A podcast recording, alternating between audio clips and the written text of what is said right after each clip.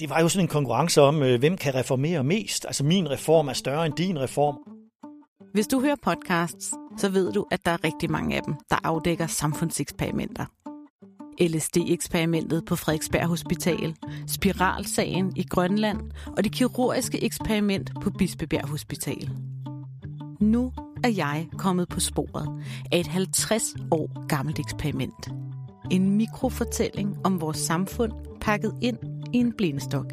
Det er stokkesagen. Det er jo der problemet ligger. Det er byråkratiet. Du lytter til alt det, som ingen ser. Og det her afsnit hedder Stokke-eksperimentet.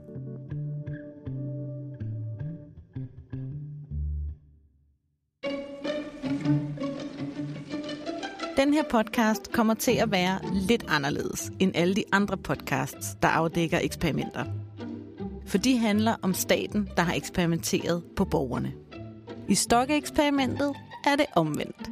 Der er det en enkel, civil borger, der udfører et eksperiment med staten og kommunerne. Den borger hedder Jens. Nu 69 år, fylder 70 til september. Hvis der er nogen, der vil sende fødselsdagsgaver, så er det den 25. Siden 70'erne har Jens søgt en ny blindestok gennem det offentlige hver femte år. For at undersøge, hvordan samfundet og administrationen ændrer sig. Bliver det nemmere? Bliver det sværere? Hvordan er det at få noget så simpelt som en blindestok? Ja, det kan lyde som et forholdsvis simpelt eksperiment. Men for os, der ofte har kontakt med systemet, så ved vi, at det kan være alt andet end simpelt. Det er håbløst. Jeg tænker, det er jo et fedt projekt. Både øh, super moderne det her, og det er også en spændende måde at undersøge ting på. Ham du hører her, det er Ruger Buk. Han er forskningslektor og centerleder på Danmarks Medie- og Journalisthøjskole. Og han skal hjælpe os med at forstå, hvad Jens eksperiment er udtryk for. Og hvorfor jeg taler med lige præcis ham, det lader jeg ham selv fortælle. Nu kommer Roger Buk, som har forsket i kommunalpolitik helt ufattelig længe. For at forstå, hvorfor Jens startede Stokke-eksperimentet, skal vi tilbage i tiden, og det gør vi sammen med Ruger Buk.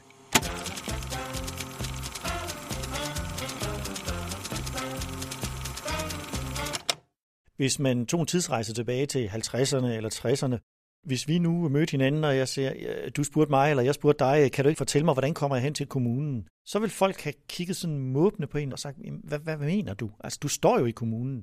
Og det betød, at der var ikke en kommune, som vi ligesom forbinder med rådhuset og borgerservice og alle de her bygninger. Det fandtes simpelthen ikke. Det ændrer sig op gennem 60'erne og 70'erne. Opgaver, der tidligere blev varetaget af staten, skal nu over til kommunerne. Blandt andet det at bestille en blindestok. Før hørte det under den statslige instans, Særforsorgen. Man laver en kommunalreform. Landets 1300 kommuner skal lægges sammen til 275. Og det er det, der sparker gang i Jens Stokke eksperiment. Noget så usekset og tørt som en kommunalreform. Vi er i 1974. Jens er 23 år gammel. Han er blind. Han bor mest i sit sommerhus, som han har købt for de penge, han tjener som rockmusiker. Men Jens er også samfundsinteresseret, og det er måske derfor, han læser jura på Københavns Universitet. Han følger den kommende kommunalreform tæt. Jens er bekymret for, hvilke konsekvenser den vil få for folk med handicap. Og her former der sig en idé i hans hoved. Man skulle kunne bevilge hjælpemidler i stridestrømme, og man skulle kunne det ene og det andet, og der skulle være nærhed til borgeren, og kommunalforvaltningen skulle være hjælpende hele vejen igennem. Mens politikerne snakker og planlægger, rumler tankerne hos Jens. Han vil undersøge, om kommunalreformen kan holde alt det, den lover folk med handicap. Han starter Stokke-eksperimentet.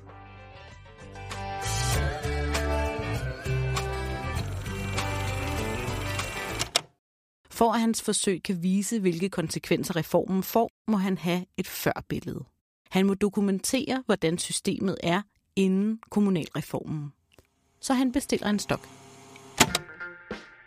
Hvis jeg havde brug for en stok frem til 1976, der sad nogle mennesker på Blindinstituttet i København, og de kendte alle blinde i landet, stort set.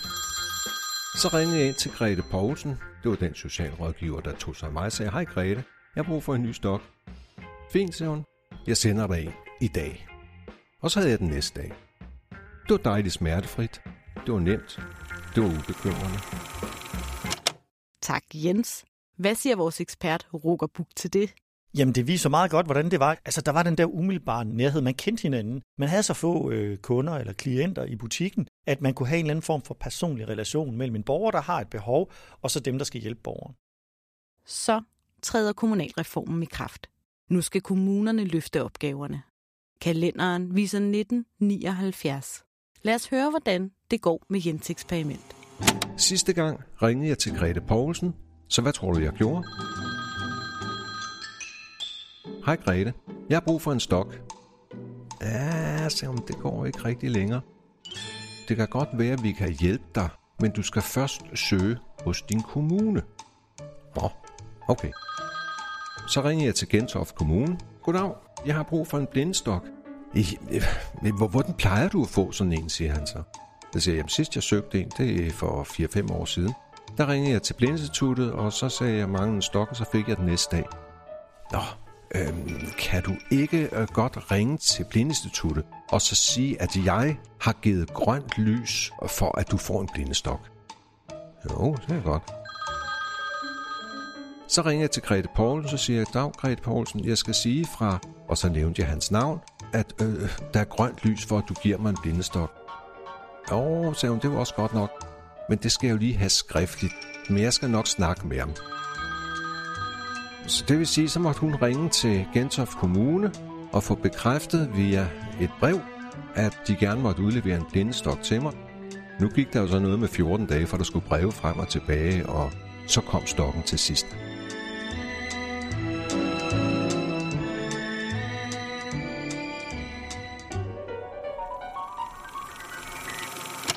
Jeg lader lige Roger Buk sige det, vi alle sammen tænker. Jeg tror mange, der hører det her, vil tænke, at det er blevet mere byråkratisk. Der er kommet krav om skriftlighed. Vi kan ikke bare sådan tale med hinanden og finde en løsning. Det er blevet mere tungt, det er blevet mere besværligt. Og det undrer jeg mig lidt over, for det var vel ikke meningen med kommunalreformen. Men Roger Buk pointerer, at der også er sket en positiv udvikling. Det der med skriftlighed, det er jo egentlig en ret god ting at ting bliver skrevet ned, at det ikke bare er noget, vi lige har aftalt øh, mundtligt, fordi så kan vi ligesom, så kan vi se, hvad der er foregået, og hvem det var, der traf beslutningen, og hvis noget går galt, kan nogen holdes til ansvar. Vi spoler fem år frem til den næste Stok Jens bestiller. Min hovedregning siger, at vi er i 1984. Ved du hvad, der var så meget tumult der i, i 84-85, så det blev faktisk skudt til 85. Jeg skulle skiftede dels job, og jeg købte hus i Helsingør og flyttede sammen med min nuværende kone og så videre. Der, der skete en masse tumult, så jeg havde ikke lige tid til at undersøge det der med blindestokken. Men det blev i 85.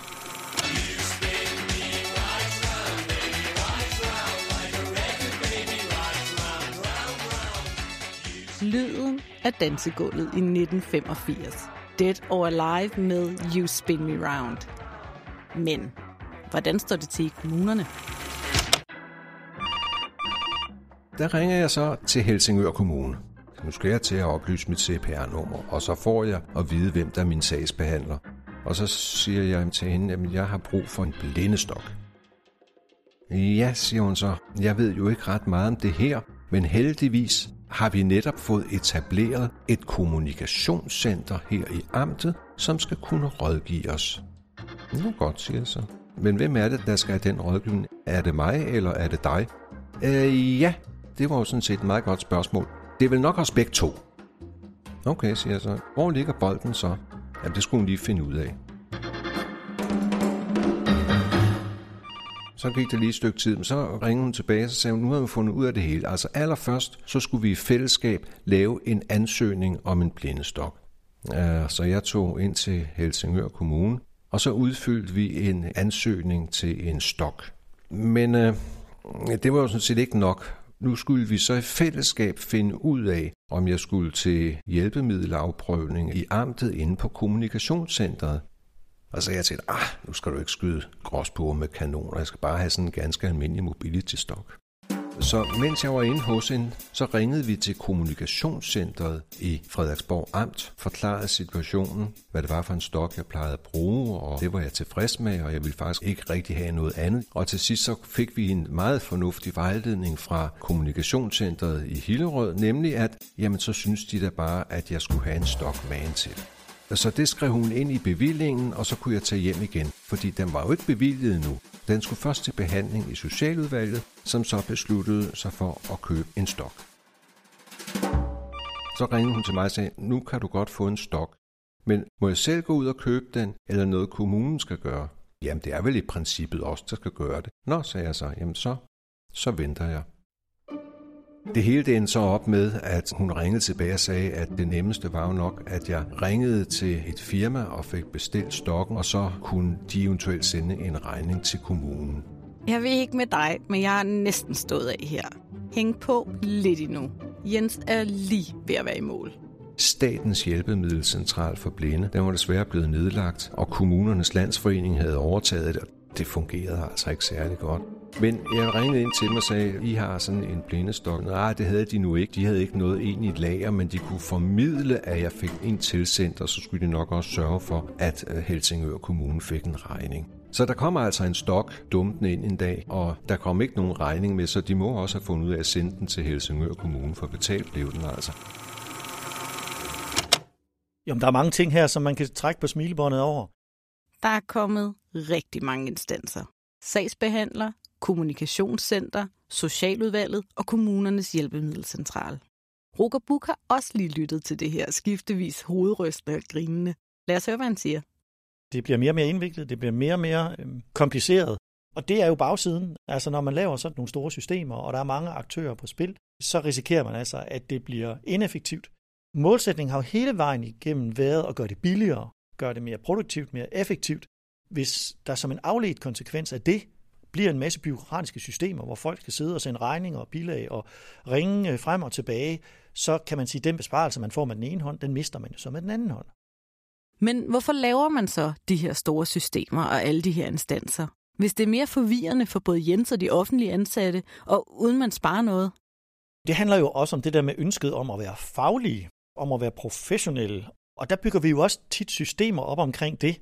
Og det er jo i udgangspunktet en god idé. Men det er klart, når vi kommer ned i et simpelt spørgsmål som det her med, at jeg har brug for en ny stok, så virker det sådan helt skudt ved siden af.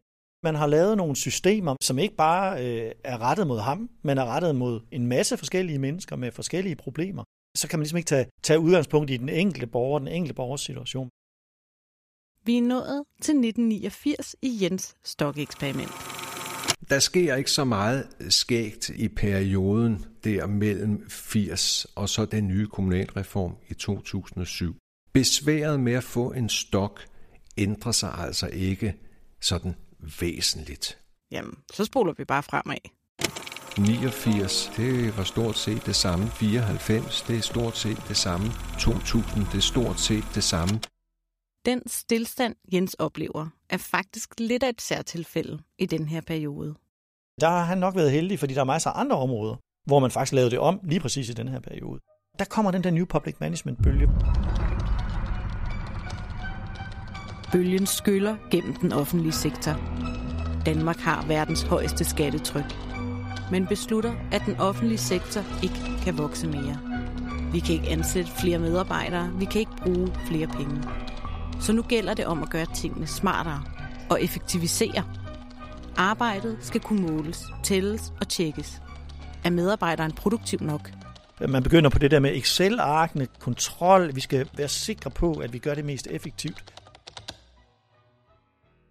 Okay, det var 80'erne og 90'erne. Vi er kommet frem til 2000. Hvor tager vi fat igen, Jens? Vi skal faktisk frem til 2008, før en det hele det går galt. Vi er nødt til at starte lidt før, fordi vi får jo en ny regering i 2001. Godt, så spoler vi hen til 2001, før vi fortsætter. Den nye regering består af Venstre og Konservative med Dansk Folkeparti som støtteparti. Lars Lykke er indrigs- og sundhedsminister, og han er med til at nedsætte en strukturkommission. Kommissionen skal analysere den offentlige sektor og komme med et bud på, hvordan tingene kan gøres mere effektivt og dermed billigere. Ifølge Ruger Buk er konklusionen klar. Vi er nødt til at have nogle større kommuner. Vi er nødt til at have nogle større amter. De kommer så til at hedde regioner. Øh, men det hele skal være større. Og så var der et ønske om at få en offentlig sektor, hvor der kun var én indgang. én dør ind til den offentlige sektor. For eksempel specialiserede handicapopgaver, specialiserede sociale opgaver, som før havde ligget i amterne, de skulle nu rykke ud i kommunerne, sådan at man som handicappet ikke både skulle gå til kommunen og gå til amtet, men at man nu kunne nøjes med at gå til kommunen. Det er den største reform, der nogensinde er lavet i Danmark. Den nye kommunalreform træder i kraft i 2007. 271 kommuner er lagt sammen til 98 store kommuner. Amterne er afskaffet og erstattet af fem regioner. Det var regeringen. Nu skal vi tilbage til Jens stokkeeksperiment. Jens bor nu med sin kone i den nye Frederikssund Kommune. Så han tager telefonen og ringer til kommunen. Er du klar? Det bliver lidt langt nu.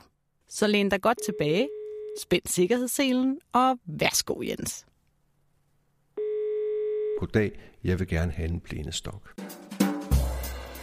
Allerede her opstod konfusionerne. Den stakkels person, jeg snakkede med, anede ikke, hvad en blindestok var for noget. Hun spurgte først, om du egentlig støttede mig til, om den skulle have støttehåndtag. Jamen, det er sådan blind, sagde jeg, når nu vi går med en hvid stok. Åh, det havde hun da nok engang set. Men jeg fik tildelt en socialrådgiver. Det denne socialrådgiver kunne konstatere, det var, jamen, du har jo aldrig nogensinde haft besøgende ergoterapeut. Du har ikke udfyldt funktionsevnebeskrivelse. Det må vi have rettet op på. Så det første, der skulle ske nu, det var, at jeg skulle have besøg af en ergoterapeut, og sammen med hende lave en funktionsevnebeskrivelse. Hvordan fungerer Jens Broman? Der. Hun kom så en, en formiddag, og hun kom med et skema, det var 17 sider langt, med et hav af spørgsmål. Om jeg kunne tage en knæbøjning, når jeg støttede mig til en stol, om jeg kunne gå på toilettet øh, selv, om jeg kunne øh, gå 100 meter, om jeg havde brug for hjælpemidler på toilettet, om jeg havde brug for hjælpemidler i soveværelset, om jeg havde brug for hjælpemidler til at udøve den seksuelle akt, om jeg havde brug for hjælpemidler, når jeg så fjernsyn, om jeg havde brug for... Jeg var ved at blive fuldstændig rundt også. 17 sider tåbelige spørgsmål, fordi man skulle have en mobility stop. Nå, men vi svarede på dem alle sammen, og så til sidst så siger den her ergoterapeut, Gud, vi har for få minuser. Du er slet ikke handicappet. Og så tog vi skemaet en gang til, så satte vi lidt flere minuser. Jeg skulle jo ikke sige, at jeg kunne se fjernsyn, så skulle jeg jo sige, nej, det kunne jeg ikke. Men vi satte nogle flere minuser, og så blev jeg handicappet.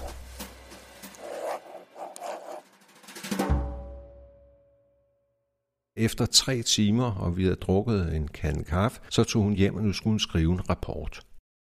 Der gik 14 dage. Så blev den der rapport færdig, og så ringede jeg til min socialrådgiver. Så nu har du fået en rapport, og du kan se, at jeg er handicappet, så nu kan jeg vel få en stok bevillet. Nej, nej, nej, nej, nej, nej. Nu skulle jeg til en oftalmolog, for jeg skulle have tjekket mit syn, om det eventuelt kunne komme igen. Fordi hvis nu sundhedsvæsenet kunne få mit syn tilbage, så behøvede de ikke at bevilge en stok. Hvad er en oftalmolog? Det er en øjenlæge. Og fortæl lige igen, hvorfor det er, at du er blind. Jeg har skudt mig selv gennem hovedet med en pistol, og den der kugle, den gik altså fra tænding til tænding. Og det vil sige, at jeg har skudt synsnerven over, og bagerste del af øjnene har det heller ikke for godt. Jeg, jeg kan altså ikke få synet igen sådan lige, lige med det vums. Så derfor så en torsdag morgen, så blev jeg hentet af en taxa, som kørte mig til en øjenlæge i Frederikssund sådan en tur på 25 km, så det var meget hyggeligt. Jeg gik ind til øjenlægen, hun var ved at dø af grin. Så sagde jeg, ja, der er ikke ret meget stille op med dig. Nej, det var vi jo sådan set vældig enige om. Så jeg tog afsted igen, og jeg fik heldigvis taxa hen til at vente de der 5-10 minutter, så jeg kunne befragte de 25 km tilbage igen uden større på styr. Og så satte lægen sig ned og skrev en øjenlægeerklæring, at jeg var blind. Der var ikke ret meget at gøre ved det. Det måtte jeg jo altså forvente at være resten af mit liv. Tøj, det er langt. Jens skulle igennem en ordentlig omgang. Vi er halvvejs. Hold fast, jeg lover, det også bliver festligt. Så troede jeg, nu kom min blindestok, men nej, nej. Jeg ringede til socialrådgiveren, og så spurgte jeg, nu har I jo en funktionsevnebeskrivelse, og jeg har en lægeerklæring, at jeg er blind og kommer ikke til at se i de første mange år. Så nu kan jeg jo få min blindestok. Nej, fordi de havde en aftale kommunerne imellem i øh, det tidligere Frederiksborg Amt, at hvis der var en blind, der ønskede et hjælpemiddel, så skulle man til hjælpemiddelafprøvning. Og det skulle man i Hillerød. Så sagde jeg, ah, det kan vel ikke være rigtigt, siger jeg, så jeg skal bare en ganske almindelig mobilisestok.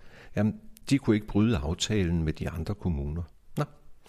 Jamen, så blev jeg så hentet en uh, tirsdag morgen og blev kørt 50 km fra min bopæl og kørt op til Hillerød. Og jeg havde heldigvis ringet på forhånd, fordi jeg kendte viceforstanderen derop, Hans Hansen. Og jeg havde ringet til ham og sagt, at skulle høre her, de er fuldstændig sindssyge. Jeg skal op til hjælpemiddelafprøvning hos dig. Jeg skal bare sådan en toledet tyskerstok. Kan du ikke stå i døren? Og så stasker vi lidt med den, og så kan jeg køre hjem igen med den samme taxa. Han grinede og sagde, jo, det skulle han nok gøre. Så han stod i døren med en toledet tyskerstok, og jeg sagde, lige præcis den, jeg skal have, tak. Og så kunne jeg køre i 45 km tilbage med den der taxa. Det har været dyrt for kommunen. Men lad det nu ligge. Nu kunne Hans Hansen så gå ind og skrive, at han havde haft mig til hjælpemiddelafprøvning, og han var sammen med brugeren blevet enige om, at en toledet tyskerstok var den model, der passede bedst, og øh, at han indstillede til kommunen, at en sådan blev bevilget til, til Jens Brumand. Efter 14 dage, så sagde jeg, hvad nu? Nu har I jo en øh, uh, funktionsevne beskrivelse, I har en oftalmologisk erklæring, og nu har I Hans Hansens rapport. Kan jeg så ikke få min blindestok? Jamen, der var stadigvæk to led, de skulle igennem i kommunen. Fordi det skulle først fra handicapteamet til vurdering. Det var ligesom administrationen og de faglige repræsentanter. Og så skulle det jo så også i socialudvalget til endelig beslutning. Så jeg godt forvente, at der måske gik op til en måned yderligere med denne her sagsbehandling. Det gjorde der så også, og efter en måned så jeg igen, så hvad, hvad med den der? Jo, hun var meget glad for nu at kunne meddele mig, at man havde bevilget en stok. Man havde været enige i handicapteamet om, at en stok nok ville kunne være god for denne her blinde Jens Broman, og det havde man så tiltrådt i Socialudvalget, så nu kunne de bevilge mig en stok. Nu ville de så kontakte kommunikationscentret i Hillerød og bede dem om at udlevere en stok til mig. Kommunen ringer op til Hillerød og siger, nu kan I godt lave en afsluttende rapport, og de sender den afsluttende rapport til kommunen, og de sender stokken til mig, og da stokken kommer frem med PostNord, sådan ikke. Det synes jeg var morsomt. Det tog fire til fem måneder for Jens, fra han ringede til kommunen første gang og til han fik sin stok. For dig, der ikke har et synshandicap eller bruger stok, kan jeg fortælle, at som stokkebruger er man fuldstændig afhængig af sin stok. Man kan ikke komme hverken ud at handle, på arbejde eller ned til busstopstedet uden sin stok. Man er faktisk spadet inde derhjemme. Hvad siger Ruger Buk til det her kafkaske marit? Kan han finde mening i det? Ja, så vi har fået nogle endnu større kommuner end dem, vi havde øh, i forvejen, og nogle meget grundige kommuner, der ligger vægt på, at det er de fagligt korrekte beslutninger, man, øh, man træffer. Så kan vi høre, at der er en masse skemaer og, og, og så videre. Det handler jo om dokumentation, det handler om skriftlighed. Det er også noget, der er vigtigt i et retssamfund. Men der er jo, som en jo kan høre, øh, også et fuldstændig tragikomisk element i det her. Så kan man så sige, heldigvis bliver han jo så reddet af en fleksibel medarbejder, som i virkeligheden lidt kortslutter systemet øh, og laver sådan en, en form for modstandskamp imod skemaerne, imod reglerne, for at gøre det, som medarbejderne kan se, det er jo det eneste rigtige over for den her borger. Jeg vil faktisk sige en anden ting, som jeg virkelig synes er vigtigt i det, i det som øh, vi hører i, i den her del af beretningen. Det er det her med afstandene. Altså med kommunalreformen i 2007, så bliver der for mange borgere rigtig langt til kommunen. Og det er jo for det første nederen, når man som Jens skal køre 50 km den ene vej og 50 km den anden vej. Men det er faktisk ikke derfor, at Rugerbuk fremhæver afstanden. Så er det faktisk også en metode, som er velbeskrevet inden for forskningslitteraturen, som noget af det, den offentlige sektor kan bruge til at sikre sig, at borgerne mener det er alvorligt i forhold til at få hjælp. Så der er faktisk ligesom et, et forsøg på at teste, om du som borger mener det alvorligt, og for det andet vil der være nogle borgere, der falder fra undervejs, og så sparer vi jo nogle penge. Men der er jo en vigtig og lidt uhyggelig pointe i det her, at der vil være en systematik i, hvilke borgere, der når frem, og hvem der ikke når frem. Det vil typisk være de ressourcestærke borgere, som øh, bliver mindst ramt af det her, mens de ressourcesvage borgere bliver hårdt ramt. Vi har jo at gøre med en rigtig ressourcestærk borger her, øh, men hvad med alle de ressourcesvage? Får de så faktisk kæmpet igennem det her system? En stok som Jens koster 400 kroner. Og der kan man jo tænke, at det har alle der råd til. Men det har alle ikke. En af mine venner stok knækkede for et par måneder siden, og han har på ingen måde 400 kroner til en ny. Han er 100% afhængig af at få sin stok bevillet fra kommunen. I hans tilfælde tog det heldigvis kun et par dage at få en ny leveret, men han måtte sætte sit liv på pause indtil den kom.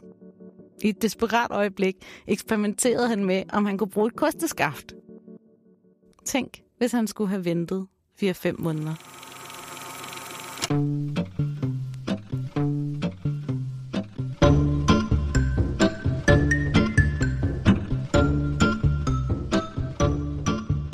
Vi befinder os nu i 2012, og Jens skal til at bestille en stok igen. Jens og hans kone har købt hus i Roskilde. Hold fast, jeg trykker på knappen. Så jeg ringede ind til Roskilde Kommune og siger, at jeg skal have en blindestok. Nej, det er blindehjælpemidler. Du skal lige snakke med Annette. Og fint. Så fik jeg Annette. Og så siger hun, Dag, du skal have en blindestok. Nå, jamen, jeg har godt set, du er flyttet her til kommunen for fire år siden. Selvfølgelig skal du have en blindestok. Hvad skal du have for en? Så sagde jeg, jeg skal have en toledet tyskerstok. Nå, men dem kan vi jo købe i butik Kik, siger hun så. Jamen fint, øhm, jeg skal sørge for, at du får en tilsendt. Så tænkte jeg, det var som pokkers. Og ganske rigtigt, tre dage efter, så kom der faktisk en stok. Jeg blev nysgerrig. Jeg ringede ind til Annette, så sagde jeg, at du Annette, undskyld, må jeg gerne stille dig et par spørgsmål, jeg er død nysgerrig. Så fortalte jeg hende min historie om, hvordan det er at ansøge om en blindestok. Så grinede hun. Og sagde ja, du var sgu da være glad, for at du flyttede til Roskilde. Fordi Roskilde var tidligere kommunikationscenter for alle kommunerne i Sjælland. Så derfor så har vi jo hele viden her omkring øh, området, så derfor kan vi håndtere sådan en sag rimelig hurtigt. Er det det, man kalder postnummerlotteriet? Ja, det er præcis postnummerlotteriet. Og du havde trukket postnummer 4000, så du vandt? Der vandt jeg.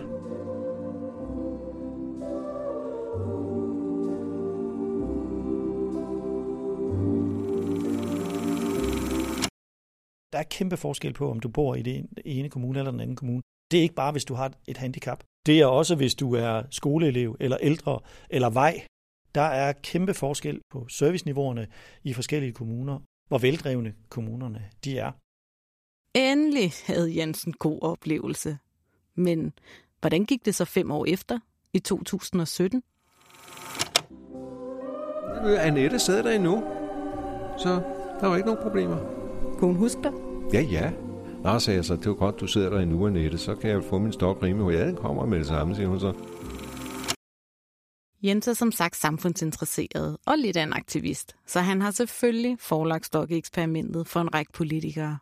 Både forhenværende formand for Socialudvalget, Christian H. Hansen, Anders Fogh og Lars Løkke. Fik han ændret noget? Det kunne jeg godt glemme alt om. Det her med at prøve at råbe politikerne op, øh, det kan jeg sådan set også skrive under på, at jeg var en af dem, som op til kommunalreformen i 2007 prøvede at sige, jamen det kan godt være nogle ting, der skal laves om, men er sådan en kæmpe øh, ting som en kommunalreform, er det nu i virkeligheden den bedste løsning? Der må man bare sige, der kommer man til at tale for døve ører. Hvad synes Jens, der skal ske på handicapområdet? Har han et forslag efter 50 års stokkeeksperiment? I virkeligheden så synes jeg jo, hele blindeområdet, det burde centraliseres. På de områder, hvor man kan se en hensigtsmæssighed, så centraliserer det. Det er jo sådan set den løsningsmodel, vi har kørt i de sidste 50 år. At vi har centraliseret mere og mere og mere. Og for mig at se, har det ikke løst særlig mange problemer. Det har løst nogle problemer, men det har sandelig også skabt rigtig mange problemer. Og jeg er ret sikker på, at hvis vi etablerede et, øh, et centraliseret system i forhold til det her område, øh, så kunne man godt risikere at blive fælt skuffet. Fordi så er man grebet af den samme tankegang om, at hvis vi bare laver det større, så bliver det også bedre. Og jeg synes jo, at han selv har givet en fantastisk god beskrivelse af, at det ikke er blevet bedre, bare fordi vi har lavet det større, og vi har centraliseret. Men hvordan kan man så gøre systemlabyrinten bare lidt mindre kringlet? Ved sidste valgkamp var der enormt meget snak om afbiokratisering, så er der ikke en politisk bevidsthed og vilje, altså et håb om at gøre systemlabyrinten mindre biokratisk? Som Mette Frederiksen sagde sidste år, allerede før valget i, øh, i hendes øh, nytårstale, så vil hun til at arbejde med afbiokratisering. Men som hun også sagde, jeg kan notere mig, at jeg er den 6. statsminister i træk, der taler om det her, og det er kun blevet værre. Og man kan egentlig godt toppe op og sige, at det er ikke bare 6 i træk, det er 36 i træk, altså alle de statsminister, vi har haft, øh, siden vi fik demokrati i 1849. Man har konsekvent og altid arbejdet med afbyråkratisering, og det er ikke lykkedes. Men kommer der så bare flere og flere regler, flere skemaer, mere byråkrati? Altså er alt håb ude? Kommunerne har faktisk en masse muligheder. Rigtig meget af det byråkrati, der er ude i kommunerne, det er ikke noget, der kommer fra Christiansborg. Det er noget, borgmesteren eller kommunaldirektøren eller nogen andre selv har skabt. Det fede ved selskabt byråkrati, det er, at når man selv har skabt det, så kan man også selv afskaffe det. Så hvis der skal ske noget, så er det den vej, vi skal ind på. Og på den måde fik Ruger Buk lige gjort mig 100% mere interesseret i det næste kommunalvalg. Måske det får en afgørende betydning for, hvordan det går næste gang Jens bestiller en stok. For Jens er ikke færdig med sit eksperiment, der snart har 50 års jubilæum. En, der glæder sig over, at eksperimentet fortsætter, er Ruger Buk. Altså jeg tænker sådan en mikrofortælling som den her, ikke, fortæller utrolig meget om vores, øh, om vores samfund. Ja, jeg skal bare lige vise dig, at jeg har jo faktisk flere her. Min kone smider dem ud, fordi de er så grimme. Nogle af de der helt gamle siger, nej, nej, nej, nej, nej, nej, nej, det er jo min reservestok, hvis der sker noget. Så det er faktisk et godt råd herfra. Sørg for at have en reservestok, fordi du ved ikke, hvor lang tid det tager for at få en ny. Nej, det skal man altid have. Det er en god idé, ja. Ha' altid en enkelt eller to. Og så skal vi til noget helt andet. For der er rigeligt af ting, der er træls ved at være synshandicappet. For eksempel, hvis man skal bestille en stok gennem kommunen. Men der er også lyspunkter, og nogle gange lige frem frynsegoder. Vi skal videre til månedens jahat. Indslaget, hvor du kan komme på banen med en god historie og vinde en jahat. Denne her måneds jahat, den går til Hanne. Ja, hej. Jeg hedder Hanne. Jeg vil sige, at dengang jeg blev blind, der var jeg meget bange for den der hyggelige øjenkontakt, som jeg ville miste med andre mennesker, som man nogle gange kan få, hvis man møder folk i bussen og lige sender sådan et venligt smil til hinanden. Øh, men det har jeg så fundet ud af, at det får jeg på en anden måde nu, da jeg meget ofte støder på meget, meget venlige og hjælpsomme mennesker på gaden, i bussen, i toget osv. osv. Det er utroligt så tit, jeg får talt med nogen, som jeg tænker, den havde jeg nok aldrig talt med, hvis jeg havde kunnet se. Så det synes jeg faktisk er en virkelig positiv overraskelse. Og som et lille PS skal jeg fortælle, at jeg har været blind i 30 år, så øh, det er god lang erfaring, der ligger bag. Tusind tak, Hanne. Der er en ja-hat på vej hjem til dig. Du kan også vinde en ja-hat. Ring til vores telefonsvarer og fortæl om en fordel ved at være synshandicappet. Nummeret er 38 14 88 46. Du har lyttet til alt det, som ingen ser. En podcast produceret af Dansk Blindesamfund. Afsnittet er mixet af Oliver Hoffmann, kendingsmusikken er lavet af Mark Solborg og redaktør er Rikke Holt. Afsnittet er klippet, skrevet og tilrettelagt af Astrid Hall og jeg selv. Mit navn er Lucif Dalin.